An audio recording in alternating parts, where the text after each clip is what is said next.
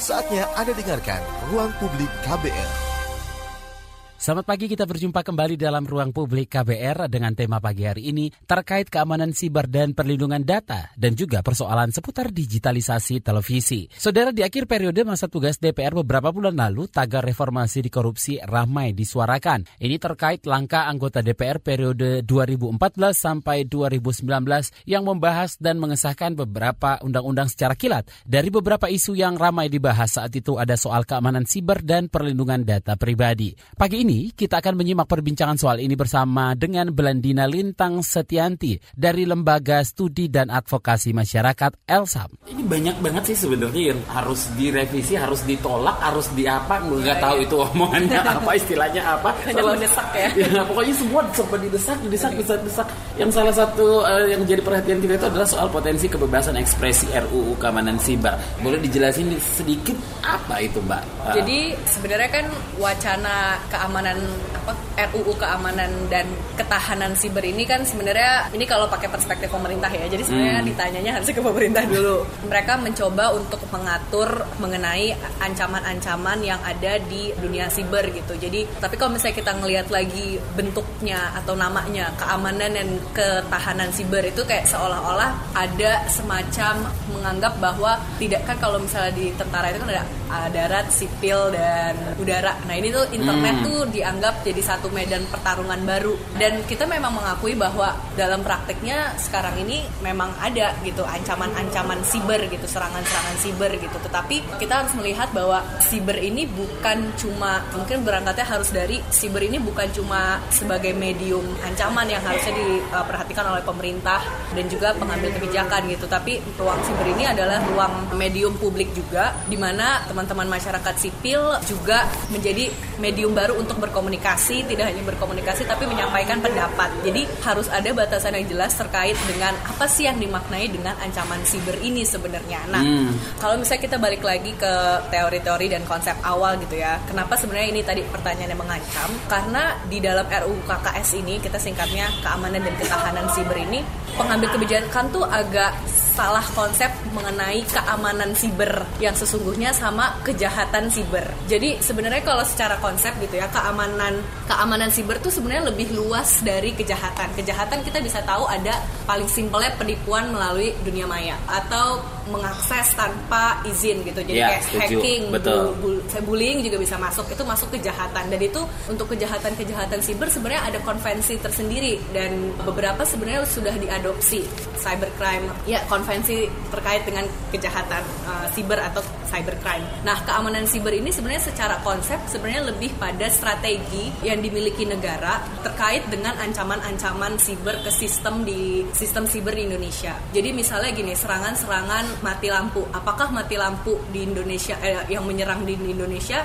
itu benar-benar kesalahan teknis atau ada serangan misalnya gitu. Nah, sebenarnya karena siber itu bentuknya luas, maka sebenarnya tidak bisa satu lembaga saja yang menangani soal ancaman itu. Jadi kayak sebenarnya untuk memastikan bahwa karena kan tadi soal listrik apakah ini benar-benar teknis atau memang ada serangan dari luar gitu. Nah, sekarang problemnya salah satu aspek penting dalam keamanan siber secara konsep gitu ya, mm -hmm. harus ada juga juga uh, terkait dengan kita mendefinisikan satu negara ini mendefinisikan critical infrastructure informationnya apa CII. Nah ini yang sebenarnya kalau di secara konsep misalnya transportasi, terus kemudian pangan, komunikasi, listrik itu dan sebagai macamnya ada 16 aspek itu adalah CII. Jadi itu yang harus diamankan gitu. Keamanan siber itu untuk mengamankan bahwa benar-benar tidak ada serangan ke 16 critical infrastructure information. Jadi kayak misalnya contoh yang paling mudah misalnya ya tadi tadi mati lampu apakah mati lampu ini benar-benar karena secara sistemnya rusak ada kebakaran atau apa atau atau ini benar-benar ada serangan dari luar hmm. gitu. Atau paling simple misalnya yang sering dibilang pemilu kita mau ada voting e-voting dan e segala macam. yeah. uh, apakah e-voting ini secara sistem memang downnya rusak atau ada serangan? Nah sebenarnya keamanan siber itu difungsikan untuk menjaga keamanan sistem. Jadi strategi di negara ini apa sih untuk mengamankan serangan-serangan? Sedang Sedangkan kalau kita melihat masyarakat masyarakat itu melihat di RUU KKS draft terakhir ini, draft yang terakhir untungnya dibatalkan, itu mereka justru uh, merumuskannya lebih ke arah kejahatan siber tadi. Masih Okay, ada okay. padahal ada sudah diatur di undang-undang ITE gitu ya misalnya. Terus kemudian juga masih sangat karena di RUU KKS ini juga me- mengatur terkait dengan masifnya surveillance apa namanya surveillance itu penyadapan terus juga pengintaian secara uh, teknologi itu. Nah, padahal di putusan Mahkamah Konstitusi sekitar tahun 2016 atau 12 ya saya lupa. Nah, itu sebenarnya Mahkamah Konstitusi sudah men- menyebutkan bahwa undang-undang penyadapan eh, atau intersepsi komunikasi ya istilahnya itu harus diatur di dalam satu undang-undang tertentu. Nah ini juga sebenarnya sesuai dengan prinsip eh, hak asasi manusia karena kan surveillance itu kan salah satu bentuk limitasi atau apa pembatasan terhadap hak tertentu gitu ya hak berpendapat dan segala macamnya. Nah ini di undang-undang KKS malah diberikan lagi kewenangan lebih besar kepada negara untuk melakukan penyadapan dan lain-lain. Padahal di dalam putusan Mahkamah Konstitusi itu disebutkan bahwa harus ada eh, regulasi tersendiri terkait dengan intersepsi komunikasi. Jadi kita melihat sangat banyak intrusi pemerintah yang bisa jadi karena potensialnya itu justru ada penyalahgunaan wewenang yang berakibat pada Iya. penyalahgunaan wewenang yang akan berakibat hilangnya privasi warga negara. Terutama misalnya karena kewenangan negara sangat besar, bisa jadi privasi itu kan menjadi satu objek yang sangat atau perlindungan data eh, data itu kan sangat substansial ya ke kehidupan seseorang gitu. Jadi kalau misalnya ada warga yang berekspresi dan melakukan kritik di media sosial terhadap keputusan pemerintah atau kebijakan pemerintah yang sifatnya mengkritik, mereka pemerintah punya wewenang lebih untuk memantau orang ini dan kemudian misalnya ada intim, eh, bisa sangat mungkin adanya intim, intimidasi, Intimidasi, dan segala oke. macam karena privasi warga tidak dilindungi. Berarti lebih ke ancam apa namanya kayak nggak ada privasi lagi kayaknya kita dibuntutin di di, di apa ya dibuntutin di inti dipantau gitu. Iya, iya. Berarti lebih ke situ worriednya Iya. kalau dari penjelasan Mbak Lintang tadi. Iya iya iya. Jadi karena semuanya tadi kita juga ngobrol teknologi itu udah memang semuanya akan memantau masyarakat gitu ya. Misalnya kita online tuh udah keseharian kita sudah ada di handphone gitu, telepon genggam gitu. Nah, dan sebenarnya itu hak kita untuk menikmati kemajuan teknologi. Tapi makanya tadi kita sebenarnya butuh undang-undang pelindungan data pribadi. Nah, ini kan tadi kaitannya ke ketahanan siber sama pelindungan data pribadi. Nah, sebenarnya si undang-undang pelindungan data pribadi ini yang melindungi hak-hak kita sebagai pemilik data atau istilahnya itu lebih ke subjek data. Itu punya hak-hak yang harus dilindungi. Misalnya hak atas informasi mengenai apa aja sih pengelolaan datanya, terus kemudian hak untuk mengakses informasi terkait data apa saja yang dikumpulkan oleh suatu institusi gitu. Dan itu ada hampir eh kayaknya 8 hak dari pemilik data. Nah, kenapa sebenarnya RUU KKS waktu itu ketahanan dan keamanan siber itu dianggap tidak urgent Nah karena kita sebenarnya butuh dulu nih perlindungan privasi warganya yang Oke. itu seharusnya disahkan terlebih dahulu yaitu RUU perlindungan data pribadi karena di lapangan atau di realnya kita Di realnya sangat ya. Hmm. sangat apa namanya banyak sekali kan kasus-kasus penyalahgunaan data pribadi mungkin salah satu yang paling sering orang kalau nge soal kasus pencurian data pribadi itu ketika ada kasus penipuan atau segala macamnya nah sebenarnya kan penipuan atau segala macamnya itu karena tidak ada kewajiban dari pengendali data untuk menyimpan atau melindungi data pribadi warga. Jadi secara undang-undang nggak ada yang memaksa pengendali data itu untuk melindungi data-data pribadinya. Jadi kayak data pribadi yang mereka kumpulkan bisa diserahkan ke begitu saja gitu. Misalnya dari perusahaan A dikasih ke perusahaan B data-data pribadi kita. Padahal kita hanya menyerahkan data ini ke perusahaan A gitu. Tidak kita tidak pernah ada persetujuan kita sebagai pemilik data untuk menyerahkan ke perusahaan B untuk dikelola lebih lanjut gitu. Jadi kayak seolah-olah kita kalau sudah memberikan data kita kita tidak punya kontrol terhadap data kita nah, Bisa dikasih ke mana-mana bisa dikasih aja. ke mana aja. Jadi kayak sebenarnya si undang-undang pelindungan data pribadi ini RUU PDP ya kita istilah- istilahnya Lebih urgent berarti. urgent untuk memberikan kita kontrol terhadap hak-hak kita sebagai pemilik data. Oke, misalnya kalau nanti RUU KKS ya kan ke ketahanan keamanan siber ini bukannya mencakup ke situ juga ya biar nggak ada kejahatan curi-curi data lagi bukan ke situ larinya beda malah atau kalau secara konsep kan sebenarnya keamanan siber itu sebenarnya tadi lebih ke strategi dan terhadap serangan-serangan attack, oke, iya oke. serangan-serangan siber seperti kayak malware dan walaupun Hmm. malware kalau nggak diatasi salah satu dampaknya adalah ada kebocoran data gitu tapi jadi kayak fokusnya itu lebih kalau misalnya keamanan siber tuh lebih ke attack-nya jadi kayak serangan kepada sistemnya Hmm. tapi kalau perlindungan data pribadi ini, ini untuk memastikan bahwa data-data dari sistem itu tidak disalahgunakan kayak gitu. Jadi untuk pertanggungjawaban kepada pemilik datanya itu ke di, harusnya dilindungi oleh PDP perlindungan data pribadi sedangkan kayak untuk memastikan bahwa serangannya itu untuk memastikan penguatan sistemnya itu ada di- diwajibkan oleh undang-undang keamanan siber karena kan Hmm. kayak katanya berubah kan dari keamanan dan ketahanan siber jadi Ya. keamanan siber aja Ya. gitu. Nah, jadi kayak keamanan siber tuh sebenarnya lebih selain untuk melindungi sistem, jadi misalnya mitigasinya gimana sih kalau udah ada serangan gitu. Kalau misalnya uh, satu sistem apa kata misalnya satu perusahaan sistemnya di ada malwarenya itu apa sih WannaCry nah itu sebenarnya nanti Ya. harusnya nih di RUU KKS tuh diaturnya mengenai harus berapa kali berapa jam perusahaan itu melaporkan kepada pihak berwajib bahwa gue udah overwhelmed, gue udah nggak bisa mengatasi serangan ini, maka harus ada tindak lanjut bantuan dari negara atau sampai berapa kali berapa jam harus ada notifikasi, harus untuk melihat apakah benar-benar ada data pribadi yang bocor karena serangan itu. Jadi kalau misalnya keamanan siber tuh lebih pada sistemnya terhadap serangan, sedangkan pelindungan data pribadi untuk memastikan bahwa nggak ada hak-hak dari pemilik data yang disalahgunakan karena ada kebocoran data kayak gitu. boro-boro ini ya melindungi privasi warga. Mm, iya. Jadi ini malah, membuat ngaturnya, ngaturnya ya, yang kejahatan lagi, kejahatan surveillance lagi gitu. Emang gue yakin apa namanya teknologi kita secanggih negara lain makanya Eh, nggak tahu kayaknya sih mungkin udah kita nggak nah itu dia kita nggak pernah tahu kan teknologi Oke. apa aja yang dimiliki kayaknya mungkin sudah ada lah kayaknya sudah pasti ada ya. Heeh. Makanya dibuat RUU Eh, ini. Iya.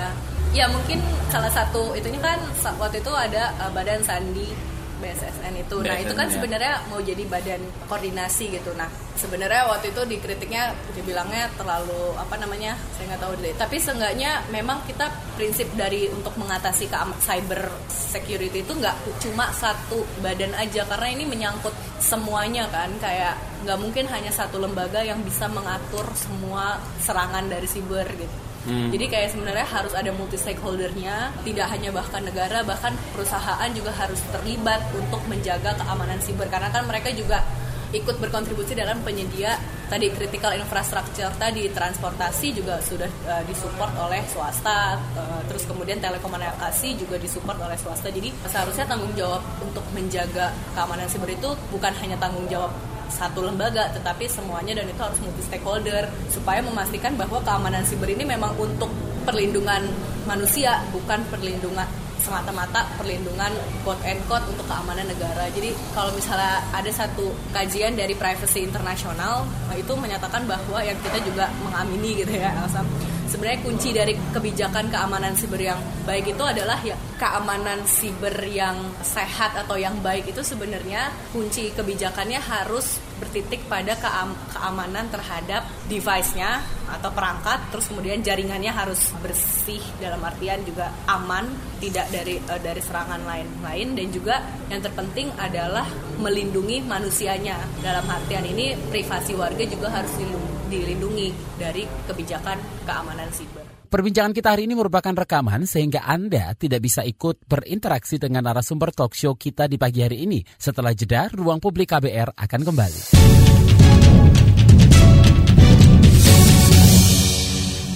Anda masih menyimak Ruang Publik KBR, masih bersama saya Don Brady. Kembali kita dengarkan perbincangan yang membahas soal keamanan siber dan perlindungan data pribadi bersama dengan Blandina Lintang Setianti dari Lembaga Studi dan Advokasi Masyarakat ELSAM. Kembali ke PDP, perlindungan data pribadi, Mbak. Seberapa buruk, jelek atau apa ya dampaknya ke warga kalau memang RUU PDP ini nggak nggak nggak segera di, di disahkan? Nah, kayak sebenarnya tadi kita sering banget merasa bahwa ya udahlah gue udah daftar ke sosial media ini, gue udah daftar ke in bla bla bla, gue merasa tidak punya kontrol terhadap data gue ya. Gimana itu kan in waiver gue memberikan data, gue jadi nggak punya kembali privasi dan sebenarnya UU pelindungan data pribadi itu sebenarnya menuntut supaya tidak ada kesewenang-wenangan dan juga tidak ada penyalahgunaan data yang kita berikan. Salah satunya misalnya e, memastikan bahwa tujuan penggunaan data itu sesuai dengan alasan mengapa kita mengumpulkan data. Kayak misalnya saya mendaftar ke e, satu SIM card tertentu untuk menikmat untuk bisa menelpon, mengirim SMS atau mempunyai paket data internet terkoneksi hmm. internet. Tapi saya nggak sebenarnya saya tidak mendaftar untuk menerima iklan-iklan di ya, handphone ya. saya. Jadi atau misalnya saya tuh chat melalui satu aplikasi itu untuk chatting berkomunikasi. Tidak kemudian diberikan kepada platform lain untuk menerima iklan tertentu dari hasil percakapan kita. Jadi sebenarnya untuk memastikan si undang-undang perlindungan data pribadi itu untuk memastikan bahwa kita sebagai pemilik data tuh punya hak-hak yang harus dihormati oleh pengendali dan pemroses data yaitu pihak-pihak yang mengumpulkan data pribadi kita. Hmm, tapi sebenarnya bukannya waktu once kita mendaftar account Gmail pakai handphone baru kita nggak tahu apa download aplikasi akses ini ini ini permis ini ini ya ya ya ya bukan kita sudah memberikan dengan sendirinya data pribadi kita kontak terus juga galeri foto misalnya kayak gitu. Misalnya kayak ini Instagram atau kayak aplikasi uh, ojek online kayak gitu kan. Dengan sendirinya kita memberikan akses apalagi kita pergi ke tempat-tempat yang selalu kita datengin. Yeah, yeah. rumah kantor rumah kantor. Mereka udah tahu gitu loh. Itu itu gimana itu itu dilindungi juga nggak sih nanti atau misalnya ada ada ada ada uh, undang-undangnya nggak nanti di RUU PDP ini mm -hmm. Ya jadi kalau misalnya tadi kita ngomongin soal persetujuan itu kan soal pemrosesan data pribadi itu kan ada istilahnya kayak basis hukumnya. Basis hukum itu kayak ada legal istilahnya kayak legal grounds yang menjustifikasi bahwa orang ini punya kewenangan memproses data pribadi yeah. kita. Nah, jadi sebenarnya kalau pakai prinsip pelindungan data pribadi itu banyak sekali legal groundnya. Jadi hmm. tadi kan hmm. disebutnya persetujuan. Yeah. Tapi ada juga yang lain misalnya apakah ini benar-benar tujuannya itu apakah necessary? Maksudnya kayak apakah memang perlu misalnya beberapa teman-teman mendaftar fintech gitu ya, financial technology yang hmm. khusus peer to peer lending peminjaman. Itu memang mereka meminta sidik jari, foto, KTP, bahkan mengakses galeri kontak dan segala macam. Mm-hmm. Nah, sebenarnya mereka harus menjelaskan dulu apa sih tujuan mereka mengambil data pribadi itu, mengambil data-data itu. Nah, kalau misalnya kita ada setelah ribut-ribut kan mereka baru menjelaskan. Sebelumnya tidak pernah menjelaskan yeah. kan, mm-hmm. baru ribut-ribut menjelaskan. Oh, ini untuk proses namanya e know your customer EYC mm-hmm. secara digital. Nah, tetapi sejauh mana itu digunakan untuk EYC EYC ini kayak harus ditentukan juga gitu. Toh pada akhirnya kita melihat bahwa pengumpulan data pribadi tadi, foto-foto, kontak justru dilakukan untuk mengancam si peminjamnya. Misalnya harusnya kan itu untuk proses oh orang ini bener-bener oh si Lintang bener-bener orang yang nyata. Ini bukan handphone baru yang kemudian nanti bisa kabur kalau dia minjem dan segala macamnya gitu. Tetapi justru sekarang si akses terhadap foto, kontak itu dilakukan oleh beberapa aplikasi fintech untuk mengancam uh, peminjamnya karena telat bayar. Nah ini kan tidak dikomunikasikan atau pengguna tidak diinformasikan lebih dulu ketika mereka mendaftar. Nah ini kan udah ada istilahnya kalau di dalam prinsip pelindungan data pribadi ini sudah tidak sesuai dengan prinsip awalnya tujuan awal pengumpulannya. Nah itu harus dijelaskan. Jadi konsumen tuh harus well known terhadap segala proses uh, pengumpulan data pribadi dan tujuannya. Oke, okay. ini aku ambil juga dari websitenya Elsam dengan beragam catatan dan potensi ancaman-ancaman yang udah kita obrolin tadi nih, Mbak Lintang Koalisi Masyarakat Sipil untuk Reformasi Sektor itu mendesak. Mungkin poin by poin kali ya kita yeah. ini. Yang pertama mendesak DPR dan pemerintah untuk menunda proses pembahasan RUU keamanan dan ketahanan, ketahanan siber pada periode ini Mengingat dari rancangan yang ada sekarang justru lebih berpotensi mengancam kebebasan sipil. Pemerintah dan DPR harusnya lebih fokus untuk membahas RUU tentang perlindungan data pribadi ketimbang RUU ini. Sebab RUU perlindungan data pribadi akan memberi jaminan bagi perlindungan warga negara. Tadi sempat kita sudah ngobrolin juga. Berarti bisa dikatakan lebih penting RUU PDP. PDP dulu. PDP dulu baru keamanan siber. Jadi untuk memastikan dulu nih hak-hak warganya sudah dijamin oleh hmm. undang-undang, hmm. terus kemudian supaya RUU Undang-Undang Keamanan Sibernya juga turut menghormati hak-hak privasi warga yang sebagaimana udah diatur dalam UU PDP Perlindungan Data Pribadi. Oke, yang kedua, DPR dan pemerintah untuk melakukan pengkajian ulang atas kebutuhan keamanan siber, identifikasi aktor dan kebutuhan tiap sektor, perumusan ulang rancangan serta pelibatan pemangku kepentingan yang lebih luas dalam proses perumusan RUU RUU ini mengingat besar dan luasnya materi yang akan diatur. Nah, itu uh, ya tadi kan melihat bahwa keamanan siber ini nggak ini adalah ruang yang sangat luas jadi nggak mungkin hanya satu lembaga yang in charge untuk pertahanan dan keamanan siber nah ini harus lagi melibatkan pihak bahkan pihak pemerintahnya pun segala macam ya hmm. untuk turut berkontribusi dalam menjaga keamanan siber dan ini tidak hanya pihak pemerintah tetapi ya industri karena industri juga sekarang menjalankan tadi kritika apa menjalankan pelayanan publik juga kan yang uh, dalam hal yang krusial seperti uh, transportasi, ekonomi, finansial itu semua industri juga udah terlibat jadi mereka juga harus punya tanggung jawab terkait dengan keamanan sibernya jadi hmm. mereka juga punya kewajiban untuk menjaga sistem-sistemnya terkait dengan yang online gitu. Oke, yang ketiga perlunya secara tepat menerjemahkan pendekatan berbasis hak asasi manusia dalam perumusan aturan mengenai keamanan siber demi menjamin keamanan individu, protokol, perangkat, data, jaringan dan infrastruktur penting lainnya. Bukan sebaliknya, justru mengancam kebebasan sipil dan menciptakan ketidakamanan individu. Ya, itu balik lagi kalau misalnya ada serangan siber itu kan yang paling dirugikan siapa sih? Manusia keamanan siber ini bukan soal megah-megahan kewenangan bisa ngapain aja gitu tapi lebih memperhatikan bahwa sebenarnya begini sih menjaga sistem yang baik menjaga supaya device kita aman dari yeah. malware menjaga jaringan kita supaya aman bahwa ini benar jaringannya aman tidak ada intersepsi dan ini bu jaringan yang aman untuk berkomunikasi juga pendekatannya adalah tadi melindungi privasi warga bukannya justru memata-matai warga karena jadi ya, fokusnya tuh lebih diluaskan bukan cuma sebatas mengintai warga. Oke, okay. empat ini terakhir. Negara memegang tanggung jawab penuh untuk melindungi hak dan keamanan warganya dan bila diperlukan kelompok bisnis dan pemangku kepentingan lainnya dapat terlibat secara konstruktif dan secara kritis dalam setiap pengembangan dan implementasi kebijakan siber.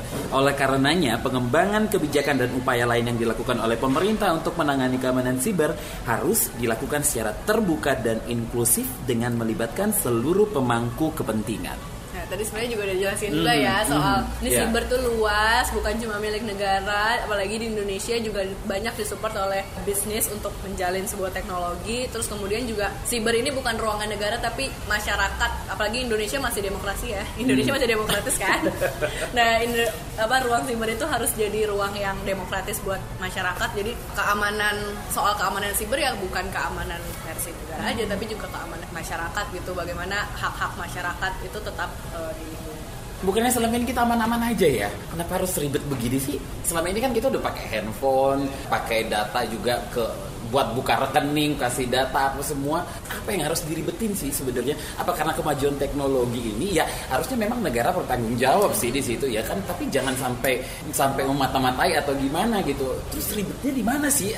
Kita tidak diakui hak privasinya gitu loh di tadi yang disebutin kayak Oke. Okay. So, kita nggak punya selalu nggak dibilang bahwa ya udah privasi warga itu ya apa sih gitu. Kalau udah pemerintah yang mengelola ya dianggap itu sudah menjadi kewajiban. Tapi padahal kita punya hak juga untuk melihat secara terbuka bagaimana mereka mengelola data kita. Apa karena memang um, kita harus bersiap menghadapi teknologi yang apalah itu namanya 4.0 lah atau apalah itu yang semakin maju sehingga kita perlu punya satu sistem keamanan yang benar-benar bisa melindungi warganya ya caranya ya lo itu under my comment gitu loh sebenarnya lebih kayak oke okay, kita kita tuh sebenarnya punya hak juga untuk menikmati kemajuan teknologi ini yeah. bahwa konsekuensinya kita harus menyerahkan data itu iya karena hmm. memang teknologi membutuhkan data dan Toh kita macam. sudah ter, tercatat di Dukcapil bukan sih? Iya. sebenarnya iya. Tapi sebenarnya kita jadi bukan kehilangan kehilangan hak kita hmm. untuk memastikan bahwa data itu memang dikumpulkan sejak awal kita memberikan data. Misalnya Oke. kayak tadi kalau kita ngomongin Dukcapil, saya ngasih data-data kependudukan ya karena supaya saya dapat KTP Betul. kan untuk saya bisa nanti uh, pemilu karena pemilu masih base-nya KTP. ngurus-ngurus segala Iya. macam surat dah pakai bukan KTP. ya bukan diberikan kepada misalnya perusahaan lain gitu maksudnya kita jadi tidak punya kontrol sejauh mana mereka menggunakan data pribadi kita Hmm. misalnya kalau saya bukan jadi konsumen dari perusahaan itu data saya bisa diambil atau enggak? Siapa yang menjamin data saya nggak digunakan? Apalagi data itu data penduduk itu ada alamat. Mereka tahu di mana alamat Ya. saya bisa dikopikan ke bisa di uh, inline sama kartu keluarga. Mereka tahu keluarga saya siapa aja gitu. Jadi kayak data pribadi itu lebih untuk memastikan undang-undangnya tuh memastikan satu bahwa kita punya kontrol bahwa stop dong gue mau pakai data pribadi gue tuh hanya untuk ini bukan untuk dijual lagi gitu Hmm. misalnya. Itu juga selain itu untuk mengontrol kita sebagai pemilik data juga untuk melihat transparansi mereka dalam tata kelola data pribadi kita bahwa tidak ada penyalahgunaan Mhm. terhadap pemanfaatan data pribadi kita. Susahnya di mana sih ya sebenarnya mem- membuat itu ya? Ini benar-benar terakhir dari Terakhir tadi ya, terakhir dari terakhir terakhir terakhir. Kalau ini sudah jadi diketok palu soal KKS, apa yang harus kita lakukan? Jadi kalau misalnya infonya dari dalam beberapa pertemuan di legislasi yang baru ini pemerintah berjanji untuk menyelesaikan undang-undang pelindungan data pribadi. Jadi kalau di dalam legislasi nasional undang-undang pelindungan data pribadi itu akan menjadi inisiatif dari pemerintah. Terus kemudian lagi undang-undang keamanan siber. Jadi istilah ketahanannya itu jadi dihapus. Jadi cuma RUU keamanan siber itu menjadi inisiatif dari pemerintah. Cuma sampai saat ini kita nggak pernah tahu nih draftnya seperti apa yang keamanan siber. Apakah sama seperti roh awalnya di tahun lalu itu masih yang sangat rohnya tuh lebih mengintai warga, mensurveillance warga dan segala macamnya. Nah ini dua-duanya tuh katanya akan menjadi prioritas nasional di tahun 2020 ini dalam beberapa kesempatan dan statement dari beberapa pengambil kebijakan. Mumpung belum disahkan sih, kita harusnya sebagai warga dan sangat berkepentingan dengan dunia siber ini, kita memantau terus sih eh, bagaimana sih sebenarnya negara meregulasi internet ini. Apakah regulasinya sangat tadi mencengkram warganya atau eh, justru mem- memberikan keamanan lebih keamanan dalam artian perlindungan ketika ada penyalahgunaan misalnya dengan menghormati privasi warga dan kebebasan eh, berekspresi warga jadi kalau saya bukan cuma langsung diketoknya gimana tapi kayak mumpung prosesnya diulang dari Iya, awal iya. Hmm. kita kawal aja nih terus se- sejauh mana sih mereka mau meregulasi dunia kita sekarang nih dunia 4.0 Demikian perbincangan kita dengan Blandina Lintang Setianti dari Lembaga Studi dan Advokasi Masyarakat Elsam. Setelah jeda, Ruang Publik KBR akan kembali.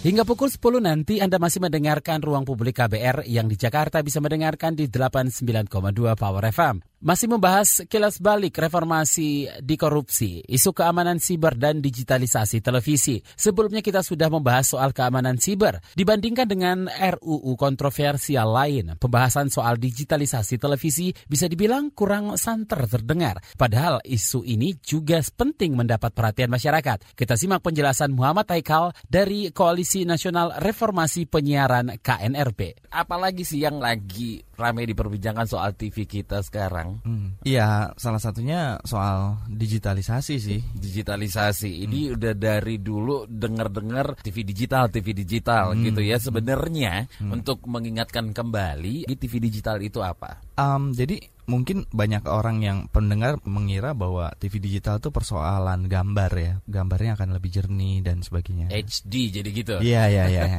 Iya kan.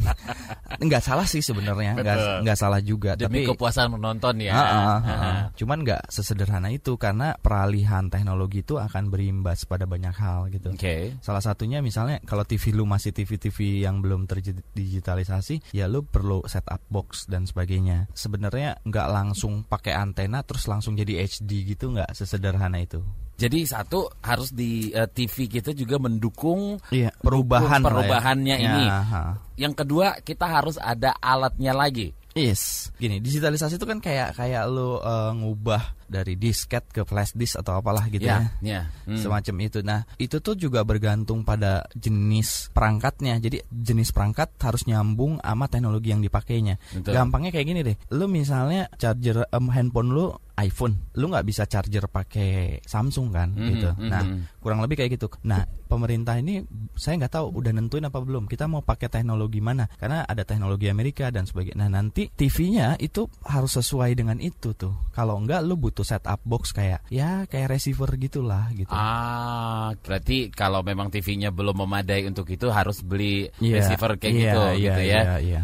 Oke, kalau TV-nya ada bisa pakai antena biasa berarti. Mm-mm. Oh, oke. Berarti TV kita bakal digital semua nantinya, gitu. Iya, tapi sebenarnya yang lebih penting lebih dari sekedar masalah gambarnya oke, itu tuh ada ada persoalan eh, lain, persoalan lainnya tuh ya tadi kayak ta- tadi kan dari disket ke flash disk Iya, gitu ya. iya. Ini sama kayak kalau pemirsa belum tahu bahwa untuk bisa bersiaran kan radio, TV dan sebagainya itu kan pakai frekuensi ya. Betul. Fre- eh, frekuensi itu sebenarnya gelombang elektromagnetik yang ada di alam dikelola negara lah selama ini izin ke negara untuk pakainya gitu kan. Iya. Nah itu kalau sekarang pakai teknologi analog tuh satu gelombang frekuensi itu cuma bisa muat satu TV gitu. Nah nanti kayak dikompres gitu, bisa dikompres bahkan satu gelombang tuh bisa jadi 12 Satu gelombang bisa ada 12 stasiun TV. Iya, means kita akan punya istilahnya nih, istilah kerennya tuh digital dividend atau bonus bonus frekuensi yang bisa kita pakai macam-macam. Bisa kita pakai untuk mempercepat internet broadband, bisa kita pakai untuk penyiaran kebencanaan, bisa kita pakai untuk macam-macam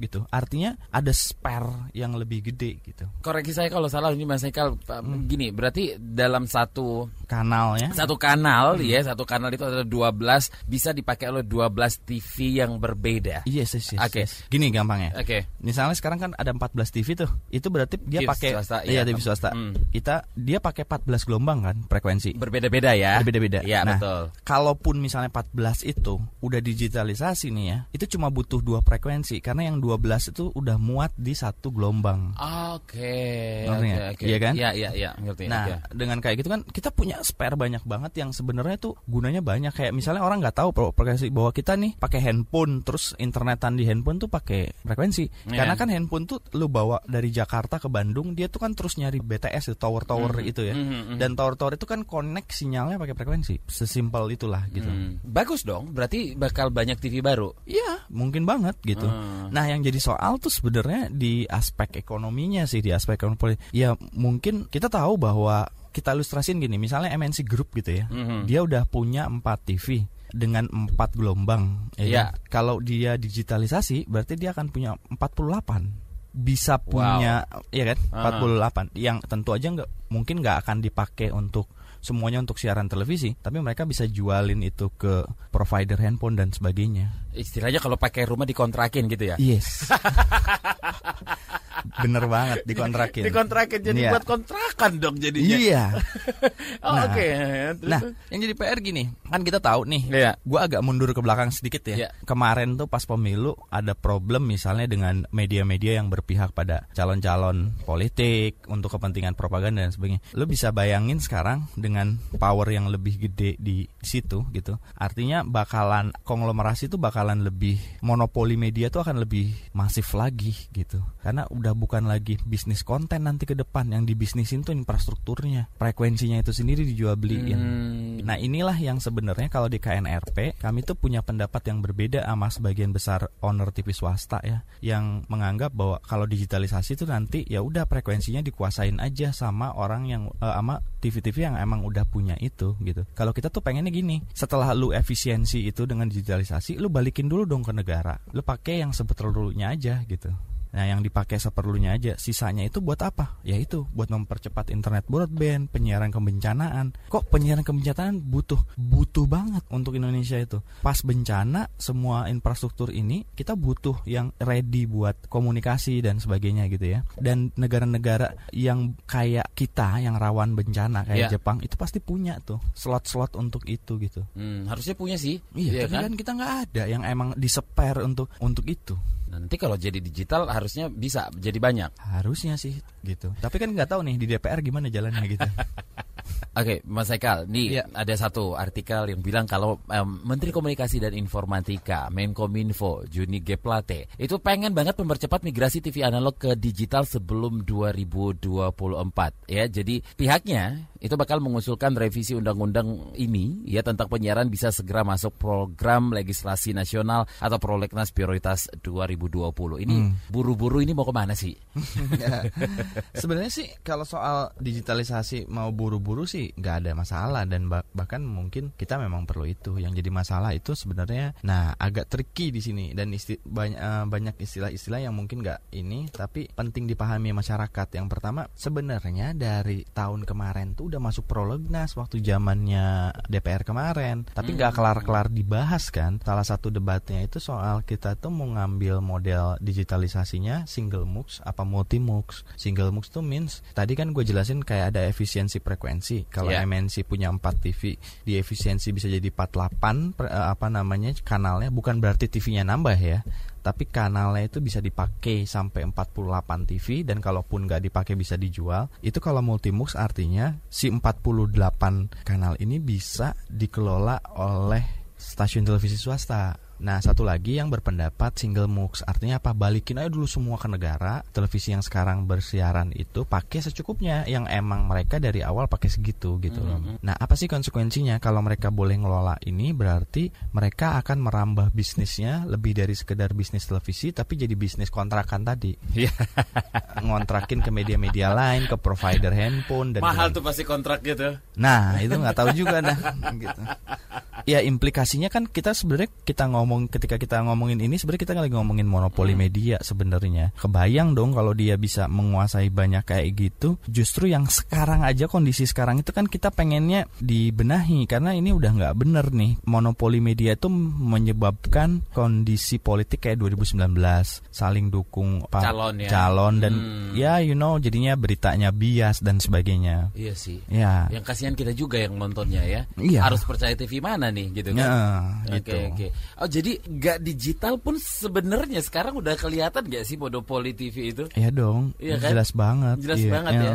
Apalagi nanti digital seperti itu. Iya, apalagi kalau digital plus multimux. Nah, kalau kita di KNRP justru gini loh. Udah nih, yang analog ini susah banget dibenahin. Kita justru pengen pas perancangan undang-undang penyiaran, proses digitalisasi itu justru jadi jalan bagi pemerintah memecah monopoli media. Itu Ini- pengennya ya. Pengennya. Ini Aha, momentum dong, momentum Ya, ya, untuk ya. gini. Nah, tapi yang terjadi adalah nggak ke arah sana gitu, nggak ke arah sana. Setidaknya sampai yang kita lihat pada DPR lalu, kita belum melihat misalnya DPR sekarang komitmennya kayak apa, apakah pro single mux atau multi mux gitu.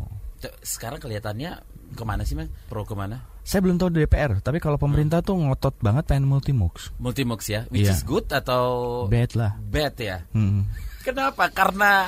Bos-bos media kita itu ada di sono. gitu. Iya, nggak bisa kita pisahin kan bahwa Iya, ini iya, kan iya, akhirnya iya. jadi bargaining politik kan saling bantu politisi dengan pemilik media. Iya. Bahkan sekarang kalau ngomong pemilik media hampir semuanya politisi, cuma beberapa aja yang nggak politisi kan. Siapa bilang? Mungkin dibaliknya mereka. I don't know.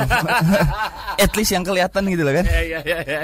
Jadi makin rumit gitu situasinya gitu. Makin rumit situasinya. Berarti kan masalah nggak bisa diputuskan undang-undangnya, tapi masih masalah Masalahnya uh, sebenarnya jadi gini, Eh. kalaupun ini ter- tertunda terus sebenarnya itu bukan masalah DPR atau pemerintah dengerin publik sih.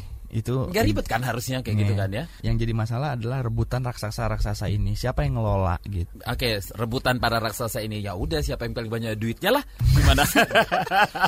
Ya. gimana? Selalu gitu kan endingnya. lu kasih duitnya berapa? Ya udah itu akhirnya bakal gitu juga. Ah, iya. Berarti itu paling banyak banyakan duit dong sekarang. Lagi- Nah, ini sebenarnya kalau kita ngomong kenapa multimux merugikan buat publik ya? Iya. Gue nggak ngomong buat yang lain. Karena gini, kita tahu kita punya isu dengan kecepatan internet. Anehnya gini, pemerintah tuh pengen ngebangun ekonomi digital, bla bla bla Hmm. gitu-gitu ya. Bahkan ngebangun palaparing dan sebagainya. Terus kita tahu nih negara baru kemarin aja banjir Jakarta, belum sebelum-sebelumnya bencana dan sebagainya. Kenapa sih kita nggak nggak justru berpikir ya udah televisi digital tetap jalan, tapi kita gunakan digital dividen bonus dari efisiensi itu untuk mempercepat cepat internet, ngebangun penyiaran kebencanaan. Iya. Dan dan bahkan satu lagi kalau buat KNRP, memperkaya TVRI supaya TVRI itu nggak madesu, lu liatnya juga nggak ngantuk gitu-gitu loh. Hmm, Kenapa sih TVRI perlu diiniin? Ya karena di tengah media sekarang yang sangat partisan memihak partai politik, harapan kita tuh ada di media yang nggak komersil kayak TVRI kan, Hmm. televisi publik kan. Nah tapi TVRI itu oh, nggak punya dana untuk memperkuat siarannya dan sebagainya. Hmm. Makanya kita selalu nonton kafe TVRI ngantuk. Tapi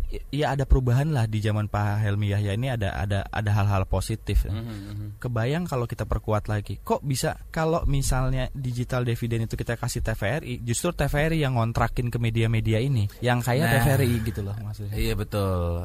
Jadi ini ya jadi ibu kos yang baik ya. Iya, Eh, gitu. Karena Dan negara bisa ngontrol harga, Ah. biar nggak ada misalnya kalau swasta itu kan bisa persaingannya naik turun gitu kan, persaingannya bisa ada yang jual mahal, ada yang jual murah.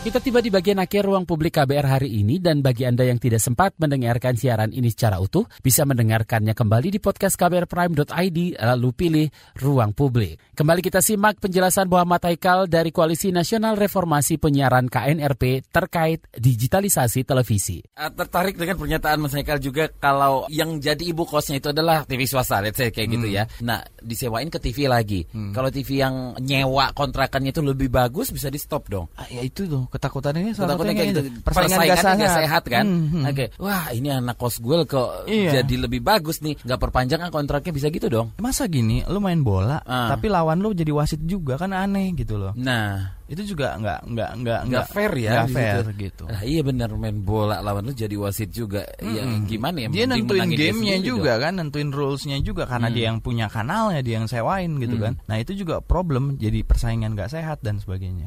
Mas Ekal, itu apa sih sebenarnya yang lagi direbutin? Yang penting gua nonton TV, siarannya bagus, Hmm. kontennya oke gitu, udah cukup buat gue gitu.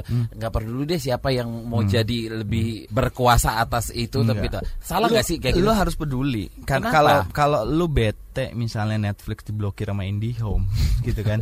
lu udah langganan Netflix terus ternyata internet lu IndiHome terus lu nggak bisa buka. Eh, tapi Mas sorry gue potong ya. Kalau kita langganan IndiHome misalnya, ada beberapa stasiun TV yang ada di MNC nggak bisa ditayangin di situ loh, kayak gitu-gitu termasuk monopoli juga ya. Nah, itu juga itu sebenarnya hal yang lain, tapi Oke. itu masalahnya adalah kita nggak punya namanya mass carry rule. Mass carry kalau di luar tuh ada yang namanya mass carry rule itu misalnya TV kabel itu Iya. harus bawa TV terestrial wajib. Jadi misalnya kalau kita kan langganan Indovision nih beberapa Iya. TV nggak ada kan. Iya, betul. Sebaliknya kita langganan Indihome beberapa TV juga nggak ada kan. Betul, kita Transvision, beberapa TV nggak ada. Nah lo. Kita nggak punya rulesnya itu, nggak punya aturan tentang mass carry rule. Ah. Mas carry rules itu artinya harus dibawa sebenarnya, tapi di sini nggak ada gitu. Karena kalau TV terestrial tuh kan gini sebenarnya, tugas pemerintah itu memastikan sebenarnya bahwa setiap undang-undang penyiaran tuh bilang bahwa setiap warga negara tuh dapat siaran. Sebenarnya bahkan jadi kayak semua stasiun televisi harusnya ba- yang kabel juga bawa itu. Itu harus free itu, yang kayak gitu. Ya kan, ini masa kita harus punya tiga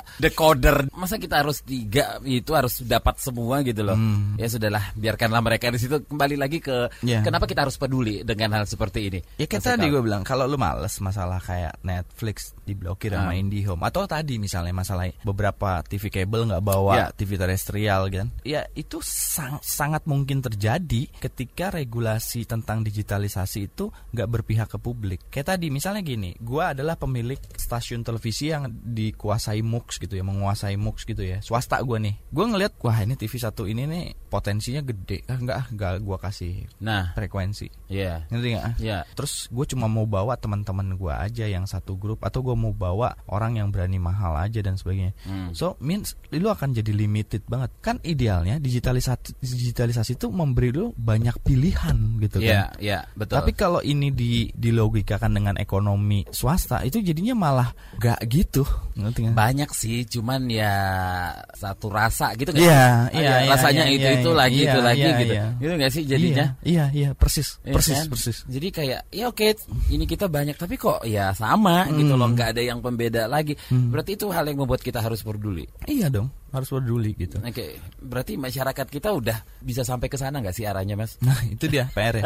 Masalahnya gini, kita harus akuin ya obrolan kayak gini tuh coba dicari deh, jarang banget gitu. Dan ini tuh adanya di tulisan-tulisan yang serius, Ya. yang kayak kayaknya nggak accessible gitu kan buat banyak orang gitu. Makanya penting apa yang dilakukan oleh KBR ini mendiskusikan ini, at least gitu kan dari pendengar ini, ini kan akan multiple gitu kan. Mudah-mudahan masyarakat kita sadar gitu bahwa ini penting gitu. Ya salah satu hal kecil aja misalnya. Kita tuh masih gini mas, kalau kita ngomongin TV di masyarakat tuh, terus kita bilang tayangannya jelek atau apa, kita sering ngomong ganti aja channelnya. Channelnya. Nah ini aja udah salah menurutku. Kenapa salah? Karena sebenarnya kita tuh lupa bahwa kalau ngacu ke undang-undang penyiaran, frekuensi itu milik publik. Itu artinya dikuasai oleh negara. Stasiun televisi swasta tuh nyewa kan. Ya. Frekuensi itu dikelola sama negara pakai pajak kita. Ketika lu makan KFC itu kan ada 10%. Nah, Iya. itu sekian persennya mungkin masuk ke untuk urusan-urusan ini. Nah, ketika lu bilang, "Kok ini tayangan ngerusak anak?" Ya udah ganti aja. Itu kan gratis. Itu nggak gratis sebenarnya. Masyarakat kita nggak tahu. Jadi kalau lu nggak ngelihat tayangan ngerusak anak, lu ngelihat tayangan yang nggak sesuai dengan nilai gitu ya. Sebenarnya lu boleh ngadu karena ini milik lu. Tuh, itu yang mungkin gak ditahu sama masyarakat Iya. kita sebenarnya Iya. ya. Itu nggak free, men. Padahal kita adalah owner dari TV-TV itu Iya. sebenarnya. Hebat gak sih itu kita yang sebenarnya pemilik iya, sebenarnya.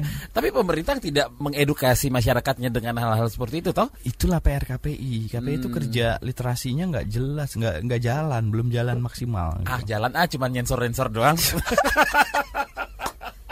Siapa bilang gak jalan mas? Jalan kerja kok Iya, sensor iya, iya. sana sini. Bener gak sih? Iya iya. ya, ya tapi maksudnya yang hal-hal yang basic ya, yang Ah, iya, iya. Mm. orang-orang perlu tahu ya. Hmm.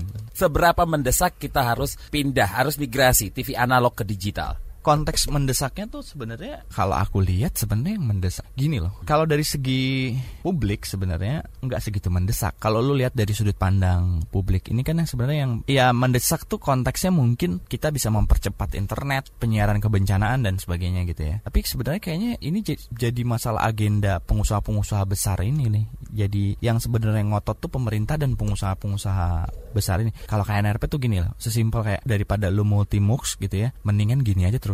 Ini aja udah buruk gitu kan, mau ditambah lagi. Oke, jadi kira-kira ini bakal terwujud sebelum 2024 mas? Tergantung lobby-lobby di DPR kan. Tergantung lobby-lobby di DPR. Kan NRP sendiri di, diikut sertakan gak sih dalam ngebahas-ngebahas hal seperti ini? Nggak pernah, tapi kita selalu maksa deh ikut. Oke. Demikian perbincangan kita di ruang publik hari ini dengan tema kilas balik reformasi di korupsi, isu keamanan siber dan digitalisasi televisi. Saya Don Brady undur diri, salam. Baru saja Anda dengarkan Ruang Publik KBR.